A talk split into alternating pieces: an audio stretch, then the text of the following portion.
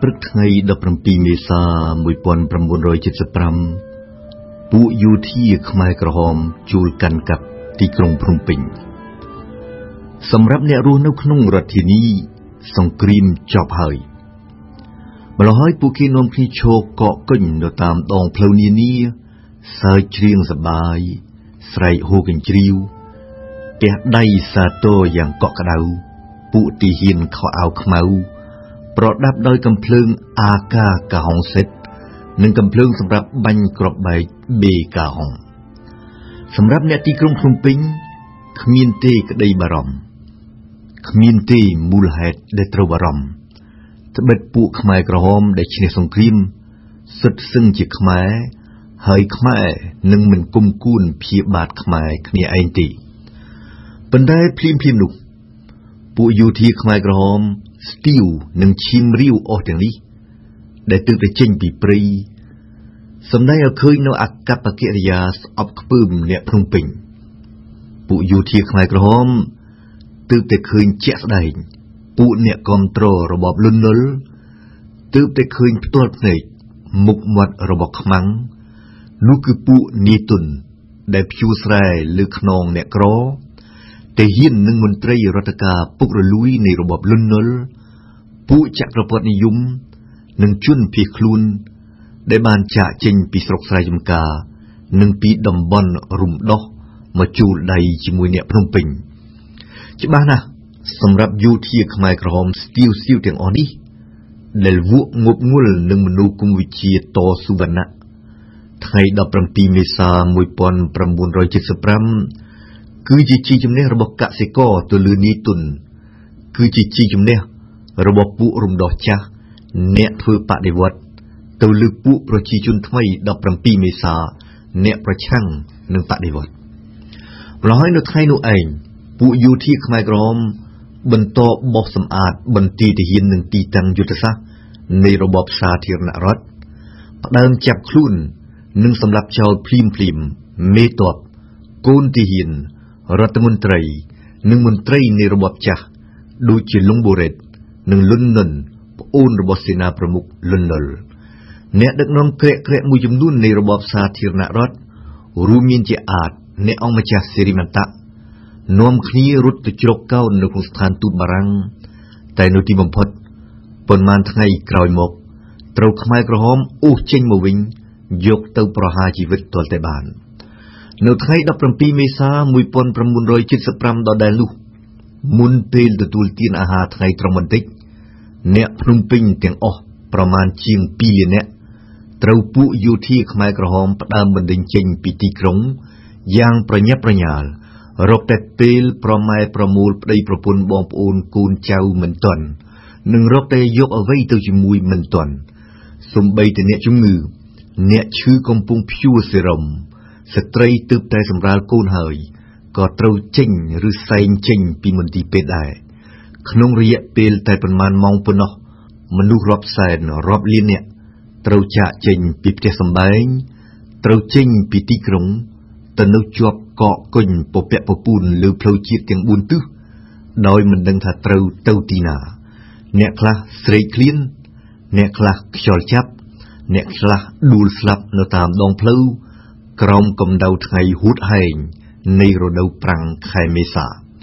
នៅថ្ងៃ17មេសា1975ដដែលនោះឬប៉ុន្មានថ្ងៃជាបន្តបន្ទាប់ក្រោយមកនៅតាមគ្រប់ខេត្តក្រុងក្នុងទូទាំងប្រទេសពួកយោធាខ្មែរក្រហមអនុវត្តបទបញ្ជាដូចដូចគ្នា ពីសំណាក់មេកើយរបស់ពួកគេនោះគឺផ្ដើមសម្លាប់ទាហាន និងមន្ត្រីសាធារណរដ្ឋខ្មែរ ដេញប្រជាជនចេញពីទីក្រុង ច្រានវងមនុស្សរាប់លាននាក់ពីទីប្រជុំជនចេញទៅកាន់ព្រៃភ្នំស្រុកស្រែចម្ការ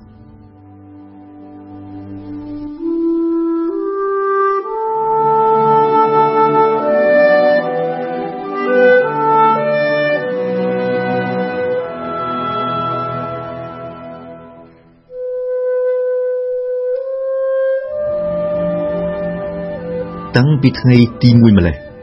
ថ្ងៃដែលភ្នំពេញធ្លាក់17មេសា1975អ្នកដែលស្លាប់ដូចខ្មោចឆ្កែពីសពេញផ្លូវថ្នល់គឺខ្មែរមិនមែនជាពួកចក្រពត្តិអាមេរិកដែលខ្មែរក្រហមចង់កំទេចហើយក៏មិនមែនជាពួកវៀតកុងឈ្លានពានដែលខ្មែរសាធារណរដ្ឋចង់ប្រឡាយគឺចាប់ពីថ្ងៃ17មេសា1975នោះហើយ ដែលប្រជាជនខ្មែរផ្ដើមស្លាប់កជើងគ្នាដូចសត្វធាតស្លាប់ជាបឋមនៅក្នុងរដ្ឋធានី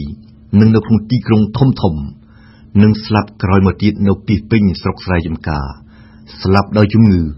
ស្លាប់ដោយត្រូវខ្មែរក្រហមបង្ខំឲ្យធ្វើការហួសកម្លាំងឬបង្អត់អាហារស្លាប់ដោយត្រូវខ្មែរក្រហមសម្លាប់ ស្លាប់រាប់មិនអស់ស្លាប់ទាល់តែសឹងដាច់ពូជខ្មែរ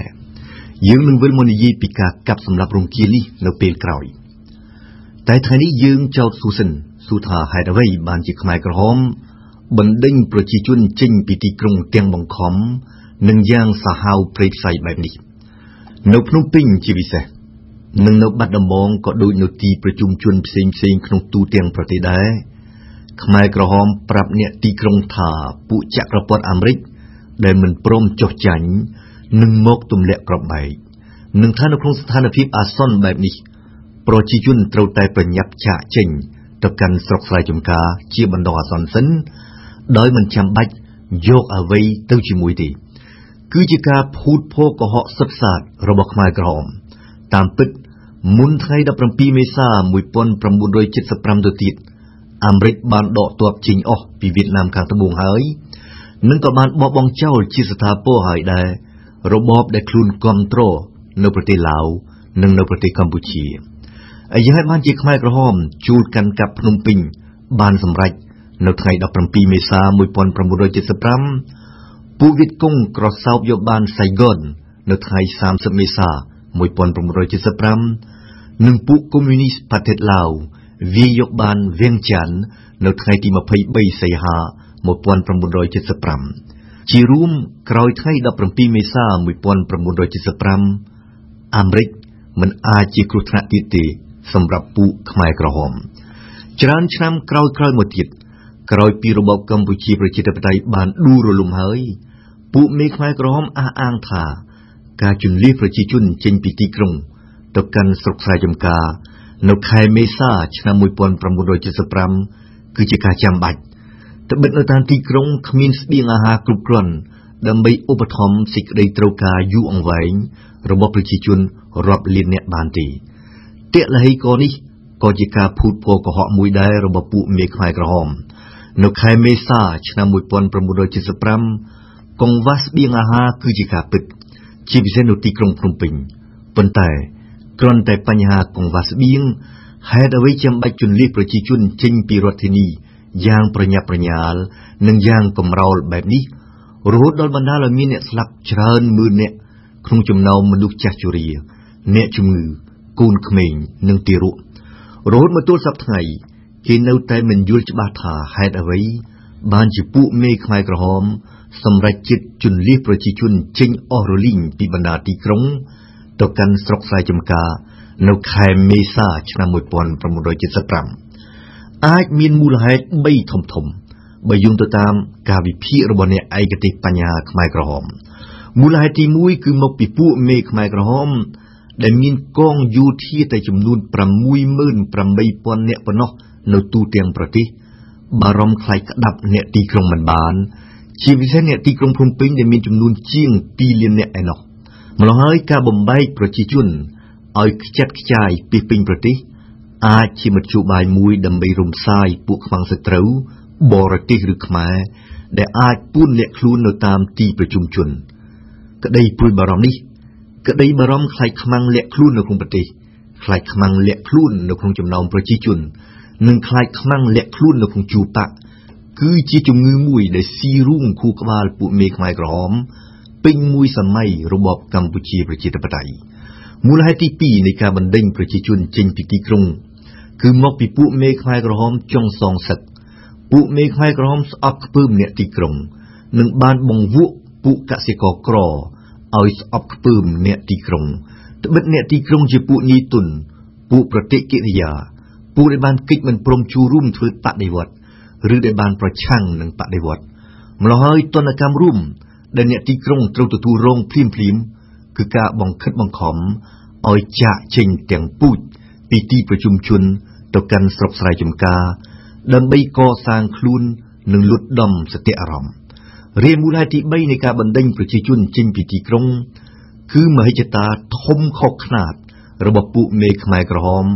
ដែលចង់ឲ្យបដិវត្តរបស់ពួកគេទៅឲ្យលឿនជាងគេទៅឲ្យដល់គោលដៅកុម្មុយនីសមុនគេ នៅក្នុងន័យនេះតាមរយៈការបណ្ដេញប្រជាជនចេញពីទីក្រុង ពួកមេខ្មែរក្រហមបានកំទេច